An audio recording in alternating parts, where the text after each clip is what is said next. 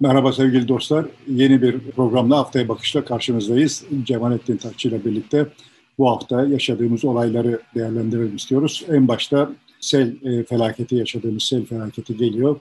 İklim değişikliği tartışmalarıyla birlikte bunu e, ele alacağız. Arkasından yönetimin sel e, felaketi ve orman yangınları karşısındaki tutumu, davranışı, meseleyi nasıl e, ele aldığını da bir miktar değerlendirebiliriz. Sonra da göç olayı ve e, vakit kalırsa da Afganistan'daki son durumu ele alalım istiyoruz. Evet sen e, blogunda güzel bir yazı yazdın iklim başlığıyla. Evet hayat değişiyor, iklim değişiyor diyorsun. Ama bu değil benim sorunum. Zaten hayat boyunca böyleydi, değişip duruyor idi. Bunun karşısında dünya hasta oldu. Ben de bu dünyayı tedavi edeceğim diyenler benim problemim diye söylüyorsun. Buradan başlayalım. Yani bu iklim değişikliği tartışmaları karşısında ne oluyoruzu bir değerlendirip arkasından da bizim Batı Karadeniz'de yaşadığımız sel felaketini ele almış oluruz. Yani şimdi evet çok üst üste geldi. Yani önce yangınlar, arkasından sel felaketi ve ar arkası da gelecek gibi görünüyor yani. Yangınlar sırasında e, bilmiyorum sen gördün mü bir de şey çıktı hani bir çıktı kayboldu hemen böyle sosyal medyada bu yangınlardan 5G'yi sorumlu tutan bir evet, tweet öyle çıktı. evet öyle bir şey oldu evet. yani daha önce daha önce Guggen Feynman'ın işte bu aslında yanan ormanlar Amerikan emperyalizminin bize kazıkları, zeytin ağaçlarını söktürüp kızılçam diktirdiler falan gibi bir şey de çıkmıştı. Şimdi bu bütün bu hikayeye böyle bakınca benim açımdan tablo şöyle görünüyor yani. Birilerinin elinde her şeyi açıklamak üzere bir Amerikan emperyalizmi var. Birilerinin elinde her şeyi açıklamak için 5G var. Birilerinin elinde her şeyi açıklamak için Kürt terörü var. PKK terörü var. Birilerinin elinde her şeyi açıklamak için işte ne varsa o var ve bir problemle karşılaşıyoruz ve herkes kendi prizmasından kendi her şeyi açıklayanıyla olaya bakıyor ve orada onu görüyor yani. Evet. İklim krizi bunların arasında girdi. Benim derdim bu. Yani iklim krizi böyle her şeyi açıklayacak hemen kestirmeden her şeyi açıklayan bir bir faktör oldu. Benim itiraz ettiğim şey bu. Yani neredeyse CHP zihniyeti bu iklim krizine sebep oluyor da denebilir. E birilerinin elinde de evet sonuçta birilerinin elinde de şöyle bir şey var. CHP zihniyeti var. Her şeyi onunla açıklıyor. Hı. Yani herkes kendisinin bildiği reçeteyle var olana yaklaşıyor. Dolayısıyla şimdi iklim krizi bu hale aldığı zaman bu, bu riskli bir şey. Yani diğerleri de riskli. Çünkü hani sen orman yangını gördüğün zaman da PKK terörü aklına geldiği geliyor ise ne yapıyorsun? Yani işte kendi kafanda bir Kürt politikası oluşturuyorsun. Eline güç geçerse onu uyguluyorsun ve o terörü besliyorsun. Sonuçta bir problemimiz var ve bu problemi çözme şansımızı elimizden alıyorsunuz yani. Şimdi yangınlar var. Evet neden var? Görünüyor yani işte havalar çok ısınmış ve nem düşmüş. Değil mi yani? Şimdi bunlar bu ikisi bir arada olduğu için yangınlar artıyor. Ve bu eskiden bundan 40 yıl önce 60 yıl önce bu kadar yoğun değilmiş belki. Yani hava bu kadar ısınmıyormuş oralarda ve veya işte nem o kadar düşmüyormuş ve veya şartlar bu olduğu zaman da insan teması daha düşmüş. Bu kadar çok yangın çıkmıyormuş. Çıkıyor yangın ve evet yani şimdi bir, bu problemi çözmemiz lazım yani. Yani görünüyor ki bizim ormanlarla temasımız arttıkça bununla mücadele etmenin de tekniklerini rafine etmemiz gerekiyor. Daha çok şey. Mesela şimdi dönüp bu yangınlar oldu arka arkaya devam etti. Bu yangın neden kaynaklandı, nereden başladı şeklinde bir değerlendirme, bir sonuç, bir rapor ortaya çıkmış değil ya da ben görmedim var ise bile. E, bu tartışılmıyor mesela. Geçmiş 5 yıllık önceki ormanlar içinde benzer şeyler söylenebilir. Evet, benim de işaret ettiğim husus bu. Şimdi biz, biz burada ciddi bir riskle karşı karşıyayız ve bu risk bizim ormanlara temasımız arttığı için artacak. Bunu çözmemiz için kafa yormamız gerekiyor ama kafa yorması gerekenlerin elinde hazır reçeteler var ve kafa yorulmuyor. Ve bunun üzerinden üstelik işte siyasi, sosyal bir takım imtiyazlar da elde ediliyor yani. Yani orada işte adam çıkıp da bu PKK terörü ormanları yakıyor dediği zaman zaten bir rapor hazırlama ihtiyacı ortadan kalkıyor. Birincisi, ikincisi de bunu söyleyen kendisini alkışlayanların nezdinde bir pozisyon elde ediyor. Sel felaketini Allah'tan ben duymadım yani. Kimse 5G'yi sebep falan göstermedi yani. Hani daha çok HES'ler falan sebep gösterildi. Ama hani onlar da şimdi orman yangınlarında birileri de efendim işte bu ormanları zaten otel yapmak için kasten yakıyorlar. Şimdi otel yapılacak yer var, yapılmayacak yer var. Bir yer yanmış. Yani bununla açıklanabilir bir şey değil. değil. Gör, görünüp duruyor yani ama dediğim gibi herkes herkes çok kolaycı ve çok kolaylıkla teşhis konabiliyor olması ayrı bir sıkıntı. Bu teşhisler üzerinden bir sosyal statü elde ediliyor ve bir de ekonomi elde ediliyor. Bu sosyal statü ve ekonomi için olur olmaz insanlar bu pozisyonlara heves ediyorlar. Sonra da işte bize durmadan aynı şey söylenip duruyor yani.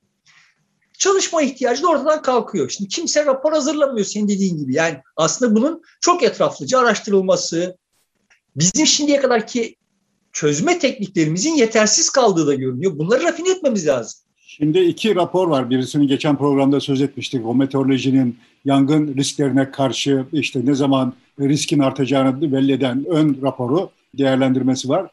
Burada da sel felaketinde de aslında Tarım ve Orman Bakanlığı 2019 yılında bu Batı Karadeniz havzasında bu taşkınların e, olabileceğini belirtmiş.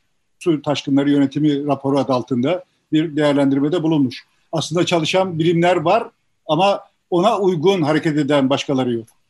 Evet yani şimdi neyi görüyoruz buradan biz? Teknik olarak insanlık başına gelecek olanları tahmin edebilecek kabiliyetlere sahip. Pandemide de bunu gördük. Yani pandemi öncesinde de pandemiye dair sayısız rapor yayınlanmış. Çünkü bir takım insanlar var.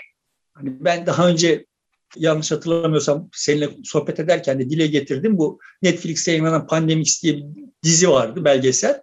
Yani ben orada mesela çok etkilenmiştim. Yani Birçok insan dünyanın dört bir yanında işte yarasaları takip ediyor, işte göçmen kuşları takip ediyor vesaire falan falan cansiperhane, isimsiz kahraman insanlar çalışıyorlar, ediyorlar, veri topluyorlar, derliyorlar, bunları raporlaştırıyorlar, buradan bir şeyler anlamaya çalışıyorlar. Ama bunların sesi çıkmıyor. Biz bunlarla muhatap olamıyoruz. Çünkü Ümit Özdağ çıkıyor işte bir şeyi elindeki tek araçla açıklıyor. Ötekisi çıkıyor elindeki başka bir araçla yine ya bunlar derin problemler, büyük problemler yani. Bu problemlerle uğraşabilmek için o sözünü ettiğim belgeseldeki insanlar gibi arı gibi çalışmak gerekiyor yani. Ama şimdi iklim krizi tantanasına niye itiraz ediyorum? Ya böyle bir çalışma yok. Yok yani. Şimdi kimse yani bana çok kızacak olanlar olacak yani. Ama yok kardeşim bakın sonuçta orada bir ekonomi var bu ekonomi sebebiyle işte atıyorum Amerikan üniversitelerine sen fon için Amerikan üniversitelerinde fon alamıyor isen çalışamıyorsun. Fon alabilmek için senin iklim krizinden ya da İsveç'te bir, Türkiye'den birisi İsveç'te bir doktoraya başvuracaksa Kürt meselesinden söz etmesi gerekir. Evet. Yoksa Türkiye'den birisinin İsveç'te bir üniversiteye kabul neredeyse imkansız. Ya şimdi böyle böyle bir ekonomisi oluşmuş durumda bu iş. Avrupa Birliği fonlarından yararlanmak isteyen bir kuruluş, e, diyelim Kayseri Büyükşehir Belediyesi, Avrupa Birliği fonlarından bir şey almak istiyor ise ve işte atıyorum bunu çöp konteynerlerini yenilemek için istiyor ise bunu iklim krizine bağlarsa alabiliyor. Yani böyle bir dünyada yaşıyoruz yani. Ya şimdi kimse kimseyi aldatmasın yani.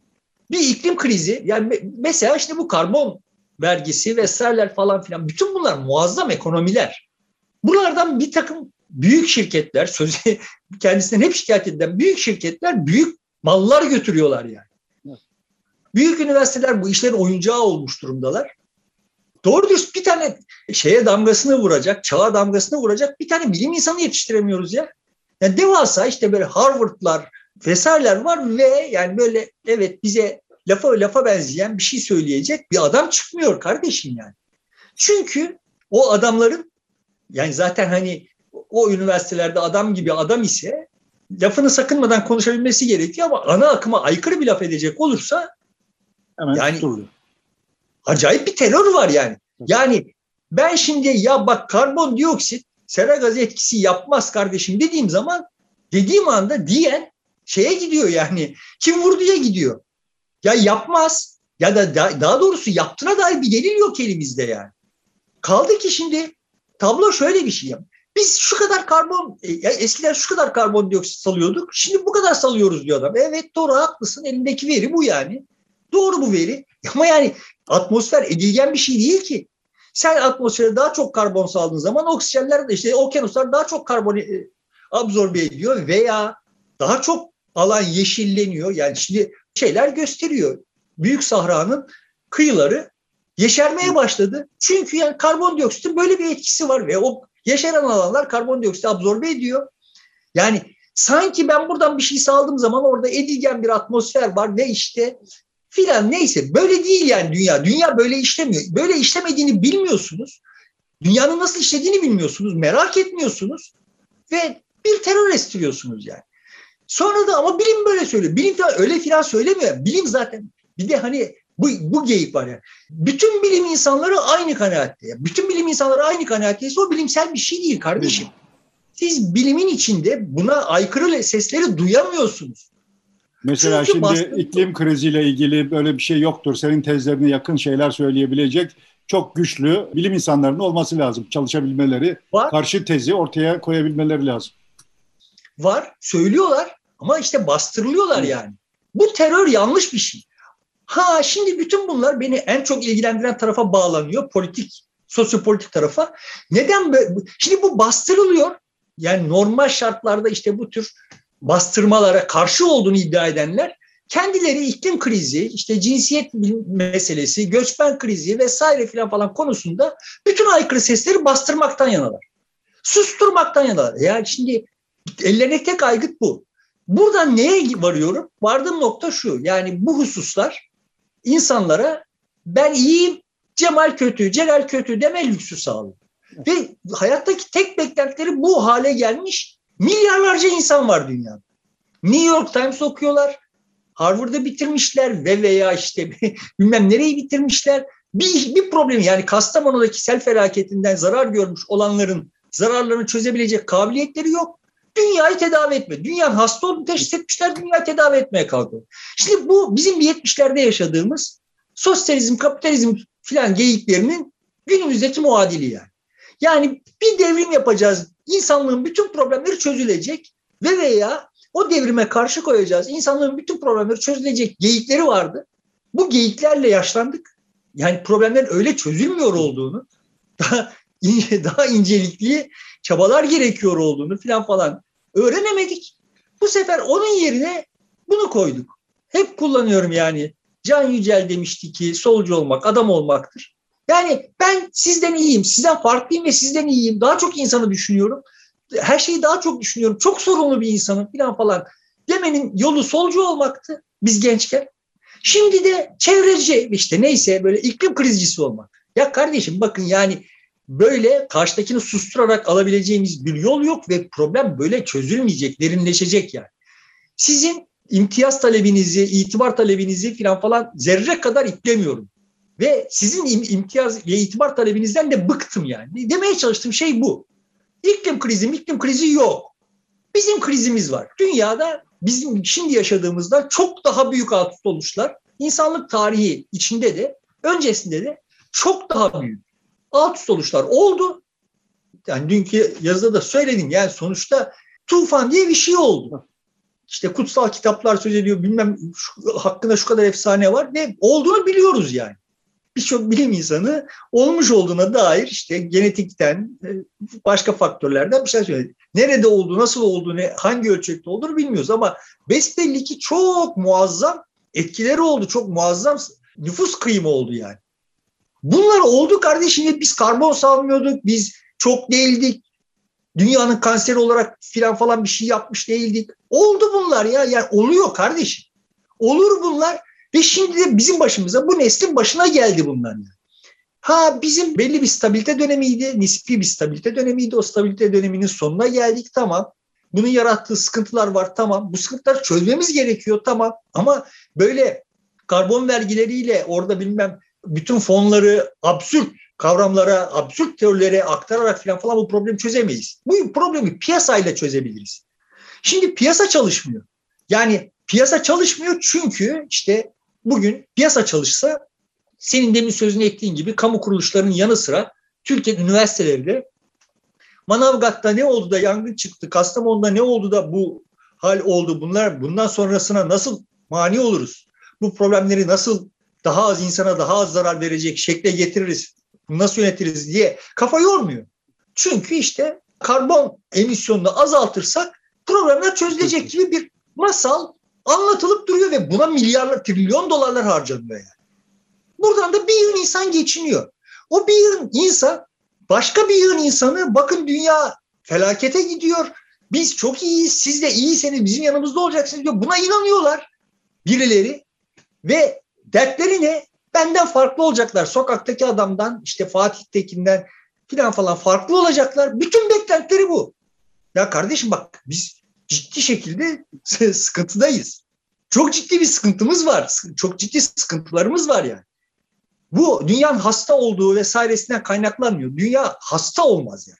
Ya bu absürt bir kavramlaştırma. Nasıl bir kavram yani nasıl bir zihne düşer bu kavramlaştırma? Sahiden benim asıl derdim burada. İnsan nasıl olur da böyle bir kavramlaştırma? Dünya yaşanmaz hale gelecek de biz uzaya gideceğiz. Orada yepyeni bir hayat kuracağız ya da Ay'a çıkacağız, Mars'a gideceğiz. E, onunla ilgili şimdi epeyce bir yoğun çalışma var. Onlar da masal. Kimsenin dünyadan bir yere gitmek için filan Onlar da şöyle bir masal.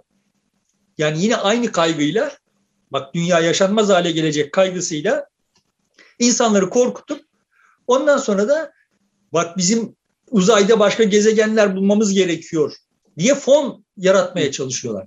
Çünkü insanlık başka türlü harekete geçip bu fonları, devletler başka türlü harekete geçip bu fonları yarat vermiyor yani.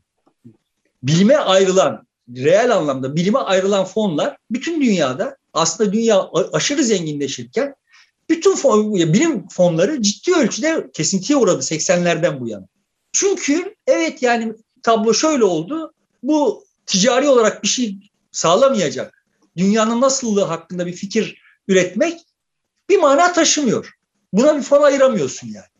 O zaman ne yapmak lazım? Bak dünya felakete gidiyor deyip de fon buluyorsun veya işte karbon emisyonu nasıl azaltacağız diye fon buluyorsun filan falan.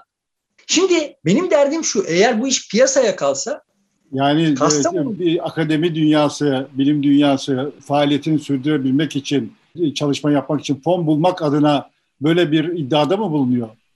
İşin bir boyutu o, ekonominin bir boyutu o, ekonomistin bir boyutu o. Bir boyutu da işte sivil kuruluşlar var. Ya bu işe Birleşmiş Milletler alet oldu ya. Yani Birleşmiş Milletler bu konuda şimdi yine gürültü çıkarıp duruyor. Bu konuda bir komisyon kurdu bilim insanlarından ve bu bilim insanları hazırladı diye bir rapor yayınladı. Zaten referans verilip durulan rapor o rapor. o raporun altında imza, imzası olanların 8-10 tanesi sonradan dedi ki ya biz böyle bir şey imza atmadık kardeşim bu yalan. Oradaki bütün mesele şu, bütün bilim insanları tırnak içinde, bütün bilim insanları aynı şeyi söylüyor. Diyebilmek için koskoca Birleşmiş Milletler bu işe teşne oldu yani. Şimdi ama bütün bunlardan habersiz bir biçimde ve ya buradaki ekonomi nasıl dönüyor, buradaki sosyoloji nasıl dönüyor hesaba katmadan böyle bizim üstümüze durmadan birileri terör estirip duruyor. Nasıl bunu reddedersin? Yani reddederim çünkü böyle bir şey yok kardeşim ispatlanmış bir şey değil. Trump da reddediyordu bunu e, ama çok eleştirilmişti. Evet. Şimdi kadersizlik orada oluyor yani. Yani şimdi bu insanlar yani bize durmadan kendilerinin ne kadar iyi olduğunu, dünyayı ve bütün insanlığı ne kadar düşünüyor olduklarını söyleyip duranlar bize böyle yalan söylüyorlar. Ondan sonra bu baskının altında kalan yığınlar Trump gibi adamları seçiyorlar. Trump gibi adamlar da bunu reddediyor ama yani bunu reddetmekle kalmıyor ki. Bir yıl absürt, absürt işler yapıyor. Şimdi bu denklem yani Trump'ı bu terör yaratıyor. Trump bu terörden istifade başka zırvalıklar yapıyor. Ve biz böyle ya bir dakika kardeşim ya bir serin olalım da şu problemleri çözelim diyenler diyen birileri kalmıyor arada yani. Nasıl işte 70'lerde arada kimseyi bırakmadılarsa şimdi de böyle bir tablo var. Benim şikayet ettiğim husus bu husus. Ya bir serin olun ya. Dünya hasta olmaz. Yani sen atıyorum şimdi yemek yediğin zaman vücut ısın düşüyor, metabolizman düşüyor vesaire. Yeme Sonra bunu sindirdiğin zaman yükseliyor filan. Şimdi bunların herhangi bir anında bir şeyleri ölçüp yani mesela şimdi yemek yedim ve kan şekerin yükseldi. O anda ölçtüm. Senin şeker hastası olduğuna mı karar vereceğiz yani? Yani bütün gün boyunca metabolik göstergeleri defalarca değişiyor. Dünya böyle bir şey kardeşim. Sen buradan kendine göre hastalık şeyi çıkarmıyorsa dünyanın bu hallerinden de hastalık falan çıkaramaz. Kaldı ki sen kimsin dünyanın hasta olduğu gibi bir teşhise varıyorsun. Yani yani bu hekimlik yetkisini sana kim verdi yani? Sonra bir de tedavi. Hani bununla da kalmıyor. Bir de tedavi edecek. Yani eko, ekosistemi tedavi edecek. Yani böyle bir ukalalık, böyle bir küstahlık. Sonra da ama bana mütevazı olmayı da o da yatıyor. Tablo her alanda kendisini tekrarlıyor yani. Şimdi bize yalan söyleyip duruyor devlet. Her konuda yalan söyleyip duruyor. Ondan sonra çıkıyorlar ve birilerini yalan söylemekle itham ediyorlar. Öyle değil mi yani işte? Orman yangınları ile ilgili doğrunun yayınlanmasına mani oluyorlar. Yayınlanacak olan şeyin doğru olduğunu biliyorlar. Onun kendilerinin aleyhine olacağını biliyorlar. Yayınlanmasına mani oluyorlar. Bize yalan söylüyorlar. Ondan sonra çıkıyorlar diyorlar ki bunlar yalan söylüyor. Tablo tam böyle. Her yerde böyle tekrarlıyor. Sonra işte bize bu uyduruk truth'u yaratanlar bize bir de post truth tabirini hediye ettiler. Ve sizin truth'unuz truth değildi ki. Niye şimdi birisininki post truth oluyor yani? Durmadan yalan söyleyip duruyordunuz ve yalan söyleyip duruyorsunuz. Elinizde var olmayan bilgiyi bilgiymiş gibi pompalıyorsunuz. Derdim bu. Şimdi geri gelelim Kastamonu'ya. Yani şimdi Kastamonu'da doğru anladımsa dere yatağına ev yapılmış. Bunun olmaması gerektiğini, yapılmaması gerektiğini Ezine çayının geçtiği bölgede 400 metre genişliğinde imiş dere yatağı. Bazı yerlerde 60 metreye, bazı yerlerde de 15 metreye kadar inmiş. Kimi yerde de 120 metre kalmış. Halbuki 400 metre o e, dere e, yatağının kalması e, gerekiyor deniyor. Evet yani sonuçta şimdi daha önce İstanbul'da 2000'lerin başlarında olmuştu. Yani dere yatağına ev yaparsan başına gelecek olanları olanlara hazır olman gerekiyor yani.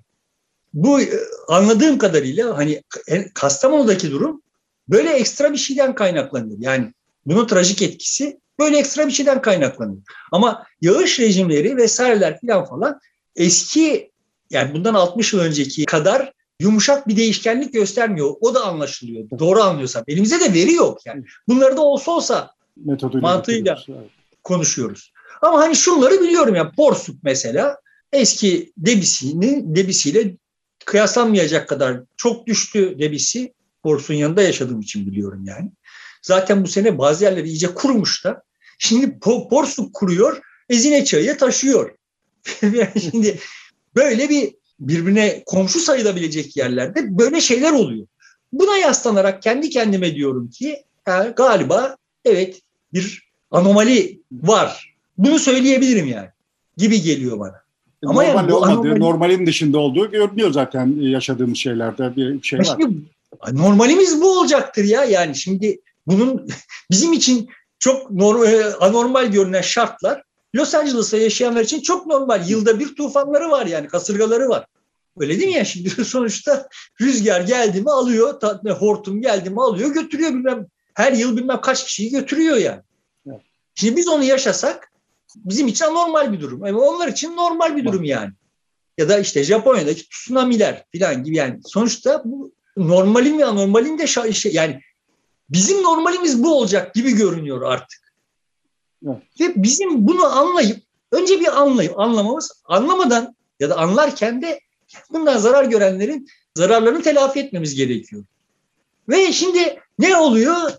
Çok güçlü, her şeye gücü yeten vesaire etrafa böyle nizam veriyor olan Türkiye yine IBAN veriyor. Yani başımıza ne gelse devlet bize IBAN veriyor yani. Sonra bize orada dayanışma duygusunu arttırma e, arzusu da var. Para toplama kadar galiba. Ama bu arada mesela muhalif belediyelerin gönderdiği yardımları ya da onların açtığı IBAN'ları da yasaklıyor.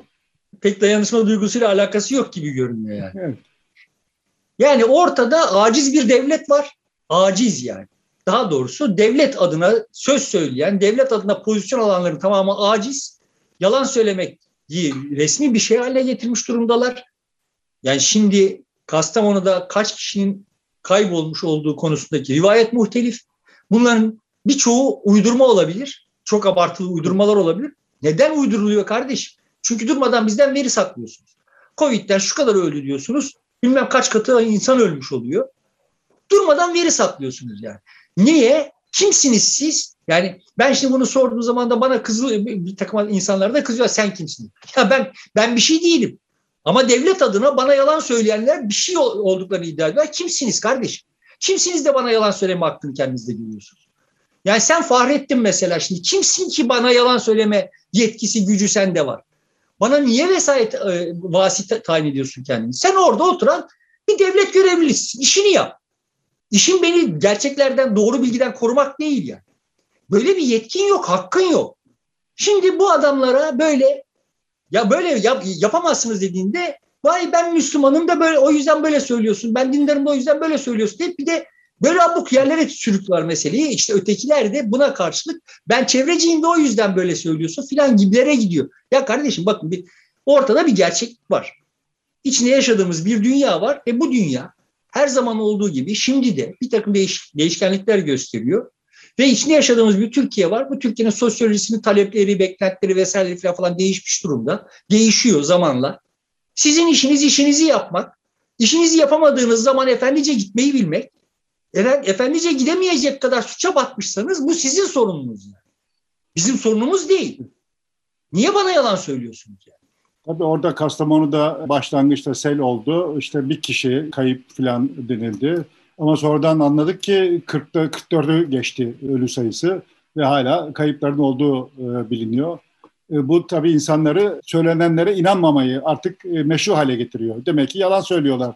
Sonucuna herkes varabiliyor kolayca. Evet. Tam bunu demeye çalışıyordum laf kalabalığından kaçırdım. Yani sen şimdi bana durmadan yalan söylediğin zaman ben senin verdiğin bir, doğru bir bilgi ise de artık onun yalan olduğuna şüphelenip onu onunla çarpıyorum yani. Ve toplumun devlete zerre kadar güveni kalmamış durumda. Devlet zaten güvenilir olma için gerekli her şeyi kaybetmiş durumda. Yani dediğim gibi sonuçta yangın oluyor, IBAN veriyor, sel oluyor, IBAN veriyor, Covid oluyor, IBAN veriyor. sonuçta durmadan kredi açıp borçlandırıyor. O da istediklerini yapıyor bunu filan. Hiçbir durumda yanımızda değil. Hep tepemizde. Sonra da işte adı devlet olan zatı muhterem bize devletin bu hale gelmesine koltuk delikli yapmış. Devlet de öğretiyor. Ya devlet buysa eksik kalsın ya. Eksik olsun yani. Sonuçta hem vergimi vereceğim hem başıma sel gelecek. Buna mani olamayacaksın. Hem ondan sonra benden IBAN isteyeceksin. Ya kalsın. Biz kendi başımızın çaresine bakarız yani.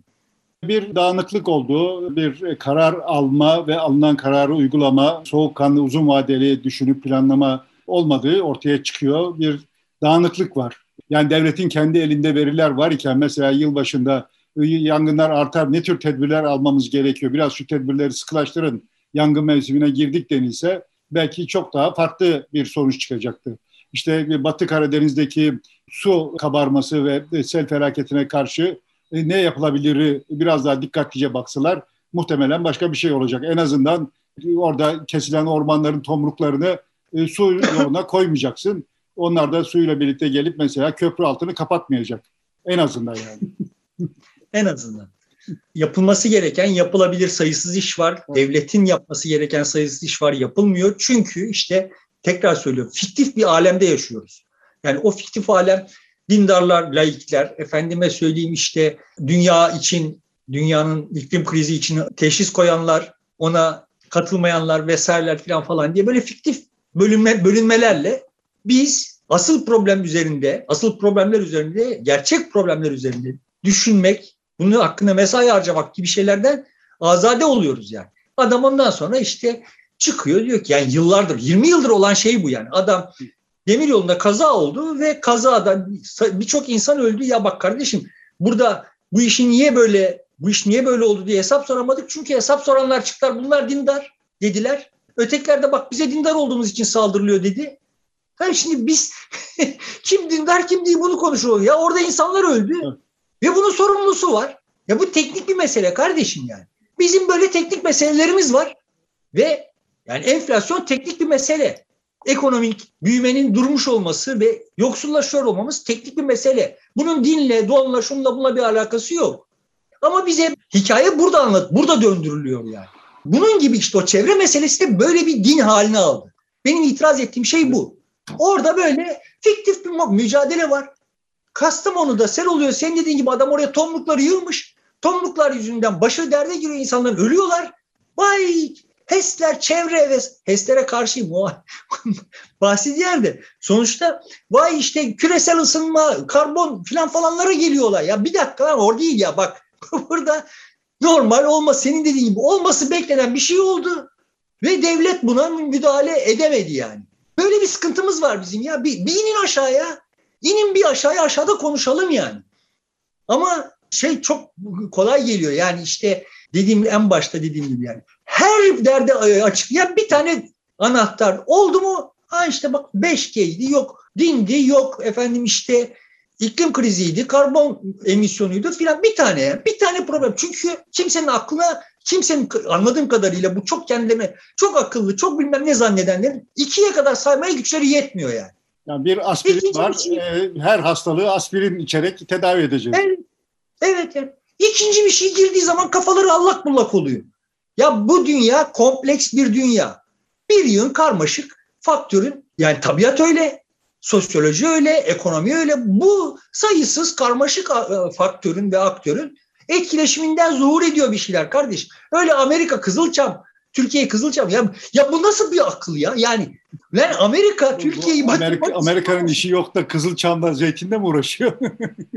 Hayır yani buradan ne murad etmiş olabilir? Yani Türkiye'ye buradan zarar vermek istiyor ve buna gücü yetiyor olan Amerika niye daha, daha kestirme işler? Yani ya nasıl akıllar bunlar böyle? Şimdi de aynı şeyler dönüyor biliyorsun yani işte Amerika aslında şöyle yapmak istiyormuş da onun için. Ya öyle bir şey yok. Bak Amerika Afganistan'da bir maceraya girmiş.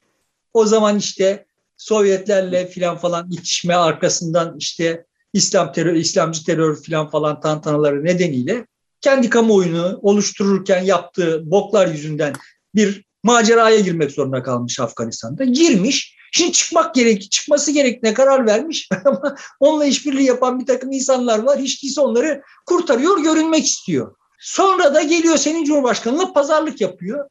Senin Cumhurbaşkanı da pazarlığa bir devlet görevlisini almıyor yanına bu pazarlığı yaparken. Sonra bana o Cumhurbaşkanlığı aday göstereceğini göstermiş olan ve göstereceğini açıklamış olan devlet diyor ki devlet ebed müddet. Böyle devlet mi olur lan? Amerika Başkanı ile Türkiye Başkanı konu görüşüyorlar. Biz bir zaman gelir de Amerikalılar açıklarsa o konuşmaları ne konuşulmuş olduğunu o zaman öğreneceğiz. Bizim çocuklarımız o zaman öğrenecekler yani. Çünkü bizim de, devlet görevlimiz yok orada. Ama şimdi bana böyle devlet üzerinden dersler veriliyor filan falan. Derdim buralarda yani. Ya bir inin aşağıya, inin aşağı. Bak bizim teknik meselelerimiz var kardeş.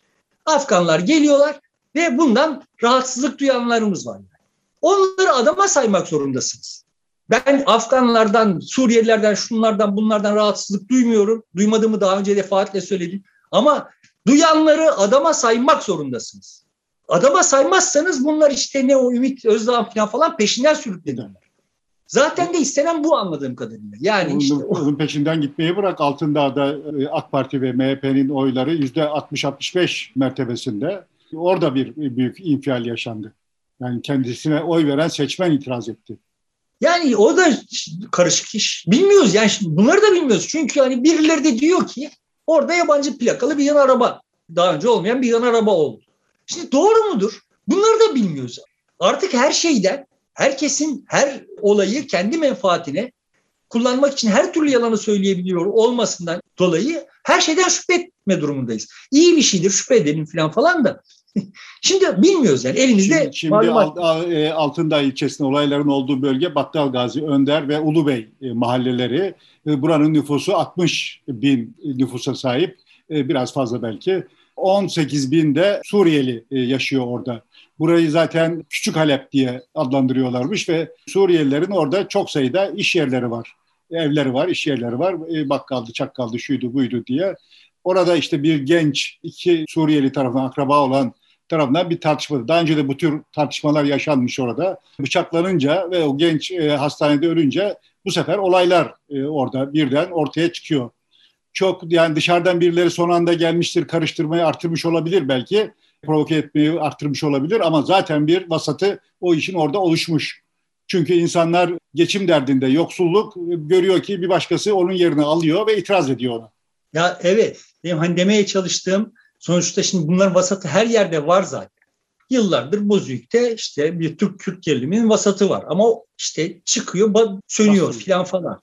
Bunun gibi ben, yani Fethiye'de var. Sonuçta şimdi de böyle yeni vasatlar var ve buradan bir şeyler çıkabilir, çıkıyor. Bunların hangisinin arka planda bir de böyle çok büyük miktarda yalan birikmiş olduğu için, suç birikmiş olduğu için ya şüpheleniyor insan ister istemez. Acaba burada bir tezgah mı kuruluyor diye yani. Derdim bu. Yoksa evet orada bunun vasatı vardı ve evet ya bu iş AKP'li MHP'li falan filan filan falan ayır, ayırt edecek bir şey değil. Yani sonuçta AKP'lilik MHP'lilik AKP MHP'ye oy vermek CHP'ye oy vermek zaten zannedildiği kadar da şey değil. Değil, değil. Ee, böyle hani ha bak dindarlar AKP'ye veriyor, dinsizler CHP'ye veriyor gibi böyle ayrımlar yok. Yani burada temel ayrım şu, ben sizin senedir söyleyip durduklarım hep aynı yani.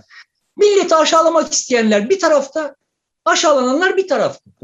Millete parmak sallamak isteyen, kendince bir, bir, bir vesileyle millete parmak sallama hakkını ele geçirmiş olduğunu vehmedenler bir taraftalar, o parmak sallananlar da öteki tarafta. Bu tarafa geçebilirlerse yani adam Tuzla'dan kalkıp Kadıköy'e yerleşebilirse zaten o, o da CHP oy verecek. Yani. Hani öyle arkada ideolojik bir şeyler, pozisyonlar vesaire. Benim senedir itiraz ettiğim şey bu. Hayattaki pozisyonla ilgili bir şey. Dolayısıyla şimdi göçmenler birilerinin başını yakıyor ise herkesin birden yak yani bu ideolojilerden bağımsız olarak yakıyor. Ama ne oluyor işte Afgan çocuk gelip de Kadıköy'de cinayet işleyemiyor da Tuzla'da işliyor. İşlemiyor çünkü orada yaşıyor yani. Dolayısıyla evet tabii ki AKP'nin MHP'nin çok oy aldığı yerlerde olacak bunlar yani. Ya Beşiktaş'ta olmayacak. Çünkü orada yerleşemiyor zaten. Hani e, e, Suriyelilerin yerleştikleri yerler de e, bu dönüşüme tabi tutulacak evler, yıkılmaya hazır olan ilk dönüşüm başladığında uygulanacak evler. Oradaki insanlar da buradaki evlere kiraya vererek para da elde ediyorlar aslında. Beşiktaş'taki evin kirasını ben Tabii. ne diyemiyorum ya Afganistan, Suriye mültecisi nasıl ödeyecek yani? Tabii. yani tabii ki Beşiktaş'ta yaşamayacak. Orada yaşayacak. E, oradakiler de evet sonuçta kendilerine parmak sallananlar. Bakın ben benim derdim şu. Bakın diyorum ki bu insanları insana saymak zorundasınız. Herkesi insana saymak zorundasınız. Kendi kendinize atadığınız makamların hiçbir hükmü yok.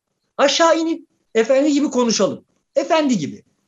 Madem çok akıllısınız, madem çok bilgilisiniz vesaire falan falan kimseyi susturmadan konuşabilecek kabiliyetiniz olması gerekiyor. Kimseyi susturmaya kalkmayın. Göçmenlere karşı olanları susturmaya kalkmayın. Vay faşist, vay ırkçı falan falan demeden konuşabiliyorsanız konuşalım bakalım. Ben tekrar söylüyorum. Benim açımdan ben göçmenlerin yanındayım. Göçmenlere karşı çıkılmasına karşıyım. Ben Kastamonu'da dere yatağına ev yapılmasına karşıyım. HES'lere karşıyım. Olur olmaz yerlerde yerlerin turizme açılmasına karşıyım vesaire vesaire. Ama şimdi bu konularda benim düşündüğüm gibi düşünmeyen, benim aldığım pozisyonu almayanlardan daha üstün olduğumu vehmetmiyorum kardeşim. Önce onlarla aynı seviyede olduğunu kabul edeceksin. Madem çok ma marifetli birisin, madem çok eğitim görmüşsün, küfretmeden, bu insanlara küfretmeden, onları aşağılamadan konuşabiliyor olman gerekiyor onlarla. Onları mat edebiliyor olman gerekiyor. Ama yok böyle bir kabiliyetler. Benim derdim burada. Biz insan yetiştiremiyoruz. insanlık olarak insan yetiştiremiyoruz. Yani orada New York Times'ta oturuyor adam bir yığın geyik. Hiçbir şey bilmiyor. Bilmiyor yani. Cahil adam ama işte böyle 3-5 tane e, kafasında şey var. Her şeyi açıklayan denklem var. Onları ezberlemiş. Onlar üzerinden bir üstünlük sağlamış. New York Times'a yazma hakkını elde etmiş. Dolayısıyla da işte etrafa böyle bir kendi imtiyazını güçlendirecek şeyi saçmayı marifet zannediyor. Buradan adam geçimini sağlıyor. Onunla birlikte birileri de insanlara söverek kendi tatminini sağlıyor ve böyle bir mekanizma var yani. Ya çok biliyorsanız oturun inin aşağı konuşalım kardeş. Göçmen meselesini kimseye faşist demeden, ırkçı demeden konuşalım ya. Yani konuşmamız gerekiyor zaten yani. Adam ne çekiyor orada? Yani Afgan ne çekiyor? Bilmiyoruz. Yani geçen de birisi WhatsApp'ta paylaşmış. Ankara'da bir Afgan mülteciyle sohbet etmiş bir kafede. Onunla sohbetini özetlemiş falan falan. Afgan sonunda teşekkür etmiş. Demiş ki kimse bizi dinlemiyor. Ya kimse Afganları dinlemiyor. Kimse Suriyelileri dinlemiyor. Kimse bunlara karşı olanları dinlemiyor. Böyle afaki, tuhaf bir düzlemde biz birbirimizi dövüyoruz. Bu, bu bizim felaketimiz bu yani. Benim demeye çalıştığım şey bu. Tamam mı? Birbirimizi dövmekten yani orada birilerine parmak sallamaktan zevk alanlar ve kendilerine parmak sallanmasına tahammül edemeyenler birbirine dövecek diye dünyayı telef ediyoruz. Memleketi telef ediyoruz yani. Şimdi anladığım kadarıyla göçmen politikasında bir değişikliğe doğru gitmeye çalışıyorlar. Açık kapı politikasıydı bugüne kadar. Şimdi e, duvar örerek, Gel kapıları kapatarak almama. Çıkış kapısı, çıkış kapısı, kapısı kapalı yani. Evet, ha, çıkış kapısını içeri gelenleri dışarı göndermemek üzerine. İşte 1040 e, kilometrelik bir duvar örülmüş e, bizim sınırlarda. Bu 2 metre eninde, 3 metre yüksekliğinde, 3 metrenin üzerine bir de jilet teller konduğu için 4 metreye kadar çıkıyor. Arada bir boşluk var. Orada devriye geziliyor. Her türlü teknik donanım var burada. Dolayısıyla çok yüksek bir maliyetle bu duvarlar örüldü. Eskiden burada biliyorsun NATO'nun bir mayın e, döşemişti. E, mayınlar vardı, tel örgüler vardı. Onun yerine artık modernleştiği için dünya şimdi duvarlar geldi. Bununla önlenebilir mi? Ben bu duvara hep başından beri karşı olduğum için e, biraz Utanç fazla söylüyorum. Evet. Utanç verici ya. Maliyeti falan falan beni ilgilendirmiyor. Utanç verici evet. ya. Hadi diyelim Kore duvarı yaptınız. E, Akdeniz'den gelirse ne olacak? Avrupa'ya da Akdeniz'den gidiyor şimdi. Avrupa'ya Akdeniz'den gidiyor. İşte şeyde Yunanlılar da gemilere doldurup Kaş'ın karşısındaki adaya bırakıp gidiyorlar yani. Evet. Yani neresinden tutsan elinde kalan bir devlet acizi var. Şimdi sen durmadan bana böyle benim bir sınırı geçmemem için sinyal çakıp duruyorsun ama ortada bir devlet acizi var bir yönetim acizi var öyle diyelim. Yani yönetimde bir aciziyet olduğu açık. Peki öyle olsun. Devleti buradan kurtaralım madem. Sonuçta ciddi bir aciz var. Geliştirilen bütün tedbirler, tedbir diye geliştirilen şeylerin hepsi göstermelik. Aslında herhangi bir şeyi doğru dürüst yapmayı beceremeyenler durmadan algıyı yöneterek Türkiye'de 20 yıldır iktidarlar ve karşılarındakini de algı yönetmekle suçlayacak kadar da yüzsüzler. karşılığında algı yönetmekten başka bir şey yapan kimse de bir şey bilen kimse de yok gerçi de. Yani tablo böyle işte aciz insanların her şeyi bildiklerini vehmettikleri absürt bir dünyaya doğru geldik yani. Buradan bir biçimde çıkacağız. Nasıl çıkacağız bilmiyorum. Bilmiyoruz. Çünkü devralmaya hazır hiçbir heyet gözükmüyor. Ben bu durumu biliyorum, şöyle çözebilirim deyip ben hazırım hazır olduğunu gösteren en azından bir heyet görünmüyor ortada. E, bakalım nereye doğru gidecek. E, bu arada herkes de bir seçim söylüyor. Seçim olacakmış gibi de laflar ediliyor. O da ayrı bir konu. Ben yani ben bu işleri çözerim. Ben bunun çözümünü biliyorum diyenlere zaten itibar edileceğini zannetmiyorum. Ben sizin aranızda tarafsız bir hakem olacağım. Siz de eşit şartlarda birbirinizle mücadele edeceksiniz efendi gibi. Problemleri de siz kendiniz çözeceksiniz diyen ve buna inandıran, bunu hissettiren, insan yığınlarını yığın olmaktan çıkarıp oyunun aktörü haline getirecek olanlar kazanacak diye düşünüyorum. Yani AKP böyle bir iddiası vardı. AKP'nin iddiası buydu yani. Buydu, evet gelirken böyleydi. Seyirci olanları, yani toplumun talebi buydu kardeşim. Yani bak bu toplumu aşağılayıp duruyorsun ama toplumun talebi bizi eşit şartlarda kendi hesabımızı görecek şartları yap diye getirdi AKP'yi. Problemleri çöz diye getirmedi yani. Ama AKP sonra sonra bu küstahlığa, bu problem çözmek benim işim durumuna geldi. Zaten sonra da AKP kalmadı. Erdoğan şimdi her şey benden sorulsun diyor ve kendisinden bir şey sorulduğu zaman da promptura bakıyor. Yani geldiğimiz hal bu. Bir şey sorulmasını da istemiyor zaten herkes beni dinlesin, benim söylediğimi kabul etsin noktasında evet. durumdayız, oradayız. Bu sadece Erdoğan'a bağlı değil, yönetimdeki hemen her kesimden de böyle bir şey geliyor. Herhangi bir devlet memuru da aynı şekilde kendisine soru sorulmasına sanki devlete sigaya çekiyormuşun, devlet eleştiriyormuşun, devlet istemiyormuşun noktasına taşıyıveriyor ki en kötü halde bu. Ya devleti sigaya çekeceğim kardeşim. yani devlet benim devletim. Devlet sigaya devlet Fahrettin devleti değil ki. Devlet benim devletim ve Fahrettin orada o göreve gelmiş yani. Süleyman orada o göreve gelmiş. Tabii ki bana hesap verecek. Kime hesap verecek yani? İşte böyle bir duygu içerisinde değiller. Hesap e, vermeyi de yani. düşünmüyor ve soru sorulmasını da Neden istemiyor. Neden değiller? Çünkü Süleyman'ın herhangi bir hesap verebilecek kabiliyeti yok kardeşim. Herhangi bir işin hakkından gelebilecek kabiliyeti yok. Orada bulunduğu zaman hesap vermeme üzerine kurulmuş düzenden malı götürdü Dolayısıyla hesap sorulmasını engellemek onun bekasını gerektiriyor. Onun bekası, devletin bekası değil. Yani şimdi ben benim denetlediğim bir Süleyman olsaydı yani teori bu değil mi yani? Benim denetleyebildiğim bir Süleyman olması. O zaman zaten hesap ver, verebiliyor. Hesap veriyor olduğu, olduğu yüzden bu yaptıklarını yapamazdı. Bu yaptıklarını yapamadığı için de hesap vermekten imtina etmezdi. Ama şimdi hesap verilemedi. Neden hesap verilemedi? Çünkü demin sözünü ettiğim fiktif harp var. Fiktif harp ortamında her şey meşru herkes için. Arada da Süleyman gibiler ha, ben şimdi buradan ya da Fahrettin gibiler ben buradan malı götürürüm. Götürdüler yani. Harp atmosferi yanlış. Evet. Sıkıntım burada yani. Şimdi bu harp atmosferine yakıt taşıyan ne varsa dindi, çevreydi, dünya işte iklimdi, Amerika emperyalizmiydi ne varsa yani bu harp atmosferine yakıt taşıyan ne varsa hepsine karşıyım. Bu harp atmosferinden çıkmadan insanlık problemlerini çözemeyecek. Yani. Şimdi başımıza bir de Amerikan-Çin harbi çıktı. yani onunla boğuşacağız. Yani bizim açımızdan asıl birinci düşman kutsal savaş algısı. Bu kutsal savaş algısından kurtulmamız gerekiyor. Yani. Kutsal bir savaş yok kardeşim. Yok. Buradan istersen Afganistan'a da geçmiş olalım. Afganistan'daki savaş psikolojisinden, atmosferinden birdenbire Amerika Birleşik Devletleri çekildi.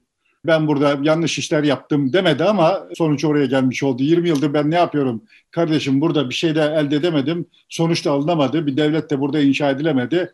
Öyleyse ben çekip gidiyorum dedi. Ve o ana kadar birlikte olduğu insanlar da bir şey demeden e, Taliban'la görüşüp güya onunla bir mutabakata vardı onun da bir mutabakatı olmadığı sonradan e, ortaya e, çıktı. Şimdi öyle anlaşılıyor ki Taliban Afganistan'ı devralmaya hazır gibi gözüküyor. E, son anda devreye başka şeyler girmez ise. Şimdi Taliban bir kutsal savaş yürütüyor. Bu kutsal savaş yani şimdi PKK gibi yani. Şimdi PKK bir kutsal savaş yürütüyor. Orada bir takım adamlar hayatlarında göremeyecekleri güce sahipler, sahip olamayacakları paralara hükmediyorlar. Tamam mı? Şimdi ama bir genç çocuk gördüğü haksızlıklar sebebiyle, gözlediği haksızlıklar sebebiyle işte hani Sedat Peker'in dediği gibi yani anasına şöyle muamele edildi, babasına şu yapıldı gözünün önünde. Daha çıkıyor kutsal savaş için. kutsal Gü savaştan nemalananlar başkaları güya, canını verenler Güya kutsal savaş diyorum. Bütün savaşlar böyle zaten. Hepsi güya kutsal. Ama hepsi böyle kutsallaştırıyor. İşte Taliban da böyle. Orada bir takım adamlar hayatta sahip olamayacakları güce ve işte servete sahip oluyorlar. Onu kontrol etme kabiliyetine sahip oluyorlar. Afganistan telef oluyor. Şimdi benzeri tekrar tekrar aynı şeyin noktaya varmış. Şimdi benzeri bu daha medeni orta olarak iklim krizi üzerinde dönüyor. Orada birileri bir iklim krizi kutsal savaşı yaratıyor. Vay ben çok iyi, çok hassas, çok duyarlı bir insanım falan falan diyenler. Oraya kaynak aktarıyorlar. Her taraf kaynakları babalarının malı gibi tüketiyorlar, harcıyorlar, kendilerine saltanat sürüyorlar. Sonra bana oraya kaynak aktarmış olduğu için iyice bir duygusal bağlılık da artık pekişmiş olanlar bana dönüyor diyor ki sen zaten çevre ben karetta karettaları kurtarmak için başta nöbet tutmak manyaklık diyorum yani. Çünkü kurtaramazsın. Yani yol bu değil yani. Ve sonra da işte bilim insanları söylüyorlar ki bak böyle olduğu zaman siz bunu balıklara yem ediyorsunuz diyor. Yani bu iş böyle olmaz diyorsun.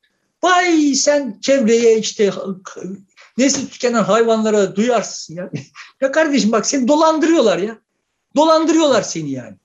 Ama esas sıkıntı ne? Bu kutsal savaştan başka bir şekilde hayatla mana katamayacak duruma geldik. Basit işte orada voleybol oynayarak burada bilmem işte birisiyle chatleşerek şurada falanca filmi seyrederek falan falan hayatımıza mana katamıyoruz. Derin manalar katmamız gerekiyor. Bir zamanlar öyle manalarla büyümüştük ya. Evet. Bütün insanlığı kurtaracağız. E şimdi gençler öyle değiller. Gençler pekala işte kaykay yaparak da hayatlarına mana katabiliyorlar yani. Ve o yüzden yabancıyız yani bu bu dünyaya o yüzden yabancıyız. Ya bu dünyaya böyle derin manalar katılabilecek bir şey yok. Öyle derin ulusal kurtuluş savaşları da yok artık. Böyle Afganistan'ı kurtaracak bir şeyler de yok. Amerikalıların Afganistan'da varlık sebebi neydi? Yani sonuçta savaş ekonomisi. Savaş ekonomisinden geçiniyor olanlar vardı. Şimdi yeni yönetim geldi ve ekonomiden o, yani onlar ne malanlayacak, şunlar ne malanacak diye tercih farkı ortaya koydu. Ve Afganistan'dan ne malanacak olanların rahat durmayacağını tahmin etmek zor değil. Onlar Amerika'da başka lobiler yapacaklardır. Belki bir sonrakinde başka bir yerde başka bir savaş çıkaracaklardır. Çünkü evet yani her savaştan nemalanan var kardeş.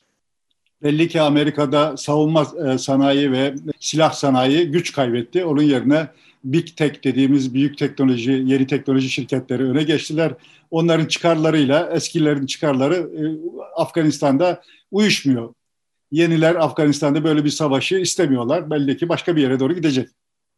Ya tam şimdi hatırlayamayacağım hikayeyi hatırladığım kadarıyla özetlemeye çalışıyorum. Angola Sovyet yanlısı bir rejim kurdu. Bir ihtilal oldu. Evet. Darbe oldu. Angola'da Sovyet yanlısı bir rejim kuruldu. Angola'da petrol kuyuları var. Petrol kuyularını Amerikalılar işletiyor. Ve Angola'daki rejimin menfaati o petrol kuyularını Amerikalılar işletmesinde ve fakat Angola'nın içinde birileri o şeye karşılar. Rus askerleri Angola'ya gelip Amerikan petrol kuyularını, Amerikalıların işlettiği petrol kuyularını başkalarına karşı korudular kardeşim. Bak dünya böyle bir dünya. Bize bir hikaye anlatıyorlar. Bu hikaye peşinden böyle sürüklenip duygusal ve maddi bütün kaynaklarını seferber ediyorsun. ama yani ölüyorsun arada falan ama so, başkalarının derdi başka yani.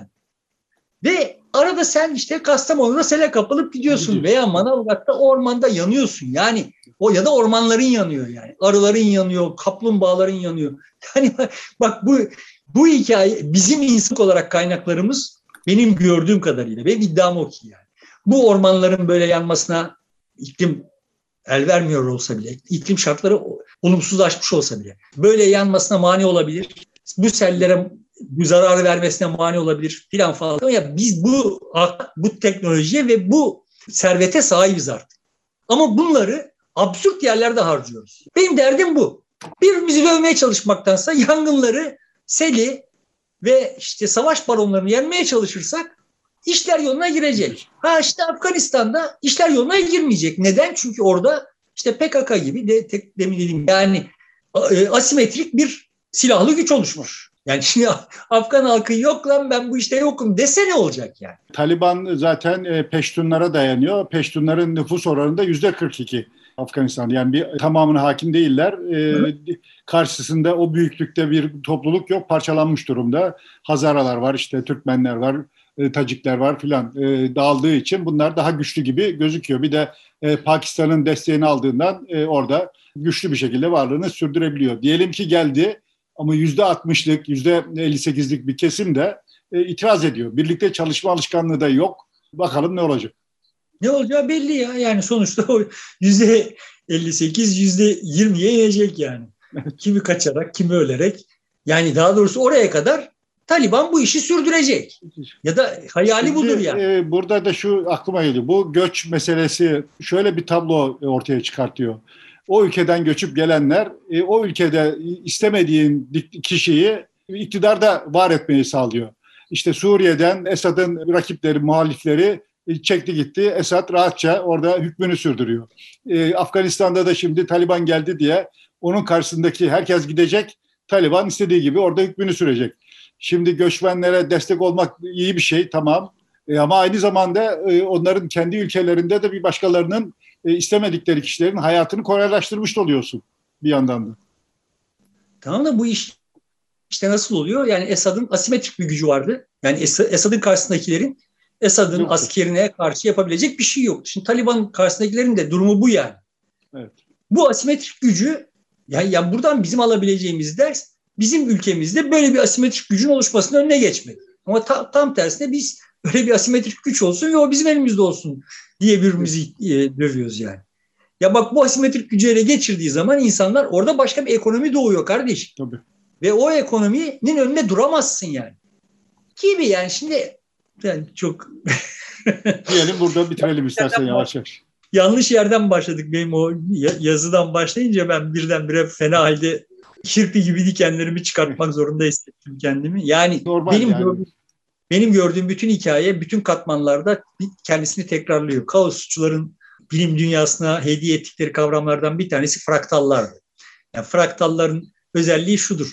Her seviyede kendi aynı karmaşıklığı tekrarlarlar. Yani işte atıyorum su karmaşık bir şeydir. Bakarsın işte suyun. Sonra oksijene indiğin zaman oksijen de su kadar karmaşık bir şeydir. Karmaşıklık düzeyi bizde Newtonyan mantıkla sanki hani su oksijenden daha karmaşıktır işte hidroklorik asit sudan daha şey yani işte ya da sulu bir şey daha sudan daha kar, karmaşıktır falan falan gibi görünüyor. Öyle öyle olmadığını bilgisini hediye etmişti şeyler. Benim açımdan da işte sosyolojik bazda bu işte e, ister şey olsun çevreci hareket, ister feminist hareket filan bunlar hepsi ya da işte dinler olsun, işte milliyetçilikler olsun hangi düzlemde bakarsan bak hepsi aynı karmaşık düzeyine sahip ve hep aynı şeyi üretiyor. Yani bunların hiçbirisi olmasın falan falan derdi değilim. Herkes aynı seviyeye bir insin. Derdim bu yani. Buradan kendinize bir paye çıkartmaya çalışmayın. Çevrecilik yapacaksanız yapın. Feministlik yapacaksanız yapın. Milliyetçilik yapacaksanız yapın. Ama herkesle aynı seviyede yapın. Gak diyeni susturacak güce sahip olmayın. Bunu talep etmeyin yani. Yani ondan sonra oturalım, konuşalım. Çözebildiğimizi çözeriz, çözemediğimizi çözemeyiz. Her şeyi çözmek zorunda değiliz. İnsanlık bir problemle yüz bin yıldır yaşıyor. Tunus'ta başka bir şey oldu. Farklı bir şey gelişti. Ee, şaşırtıcı da. Cumhurbaşkanı e, Said Kays işte kendisine anayasanın verdiği yetkiler deyip parlamentoyu 30 gün kapattı ve hükümeti başbakanı görevden aldı ve hükümeti düşürdü. Gannuşi orada meclis başkanıydı. Aynı zamanda da e, Nahda Hareketi'nin lideri. Önce bir halkı direnişe çağırdı. Halktan gelen olmadı. E, dolayısıyla o da gitti. Şimdi e, Nahda'nın yaptığı açıklama var Gannuşi'nin. Şöyle e, bir açıklama yaptı. Evet biraz bu aşırıya gitti alınan tedbir. Ama biz hepimiz halkın halktan kopmuş idik. Bir sorunlarımız vardı. Şimdi birlikte bir araya gelerek bu meseleleri çözmek için adım atacağız. Dolayısıyla Cumhurbaşkanı Said Kays'ın attığı bu adımı e, şimdi olumlu bir noktaya götürmek için beraberce bu süreçten geçerek tamamlayacağız gibi işbirliğine yönelen, birlikte çözüm arayan ve dönüp e, kendi e, kritiğini yapan, eleştirisini yapan biz kendi her bir parti nerede hata yaptık, nerede yanlış yaptığı da tartışmayı içine alan bir yeni süreç başlattılar. Bu da beklemediğim bir gelişme oldu benim doğrusu Tunus içinde. evet, ben de bilmiyordum. Öğrendiğime memnun oldum. Yani aslında dünyanın mevcut organizasyon biçimiyle mevcut problemlerinin çözülemeyeceğini düşünüyorum. Çok uzun süredir böyle düşünüyorum. Başka başka bir organizasyon seviyesine geçecek. Başka bir organizasyon tarzına gelecek diye bakıyorum. Yoksa yani tekrar söyleyeyim insanlık olarak bütün insanlık tarihi boyunca hiç hayal bile edilemeyecek düzeyde bilgiye sahibiz. Hayal bile e, e, edilemeyecek düzeyde servete, zenginliğe sahibiz. Hayal bile edilemeyecek düzeyde e, nüfusumuz var. Teknolojimiz var. Şimdi sıkıntı şu. Yani bunu biz 100 yıl öncesinin optimum örgütlenme tarzıyla yürütmeye çalışıyoruz. Yani hani burada şey kalmış olan, çağ dışı kalmış olan bu devlet anlayışı. Yani devletler ortadan kalkacak vesaire falan falan derdi değil. Ama bu devlet anlayışıyla devletlere bu anla, şey anlam yüklenerek bu iş yürümeyecek yani. Değişmesi gerekiyor olan devletler. Yani hatta bunu idrak etmiş gibi görün, yorumlayabilirim. Yani idrak etmiş, hissetmiş gibi diye yorumlayabilirim. Bu iş böyle olmayacak yani. Evet. Böyle bir örgütlenme anlayışıyla biz sahip olduklarımızın hakkını veremeyiz. Ve biz da, doğru dürüst örgütlenebilirsek, başka tür örgütlenebilirsek, yani şu yangınlarda, şu selde vesaire, selde görmedik de yangınlarda falan gördük ki pekala devlet gibi bir musibet olmasa başımızda daha çok hakkından gelebilecekmişiz yani. yani yangınları. Farklı bir organizasyon yapısıyla e, çok daha iyi sonuçlar alınabilirdi e, denebiliriz. Dolayısıyla yenilenmek gerekiyor her alanda belli ki. Bunun tabii en bence şeyi daha içinde olduğumuz için olay netleşmedi ama yani Covid. Yani bu Covid sonrası böyle bunun çok kapsamlı tahlilleri yapılabilecek falan falan diyorum. Dedim işte orada da korkum şeyde yani bu. Bütün bunları üstten herkese bir şeyler ahlak dayatmaya çalışan bir ahlaki üstünlük sahibi olduğunu düşünen bu bir heyetin eline kalırsa onu da telef edecekler yani. Ama hani hepimiz aklımız başımıza toplayıp Covid'den sonra ya bizim başımıza ne geldi ve burada niye niye bütün bu kendilerine çok güvendiğimiz kurumlar bu kadar çuvalladıları serin kanlı bir şekilde konuşmanın yolunu bulabilirsek biz Covid'den almamız gereken dersi alıp çıkacağız ve dünyayı değiştireceğiz diye düşünüyorum. Yani aslında daha çok işte bu Covid'den derslerini alıp çıkacak gençlere güveniyorum yani. Evet, iki boomer olarak o zaman programı burada bitirelim. Gençlere alan açalım. Peki sevgili dostlar programı burada bitiriyoruz. Yeniden e, görüşmek üzere. Gençler bizim yerimizi alana kadar bir süre daha boomer olarak herhalde karşınızda olacağız. Hoşçakalın.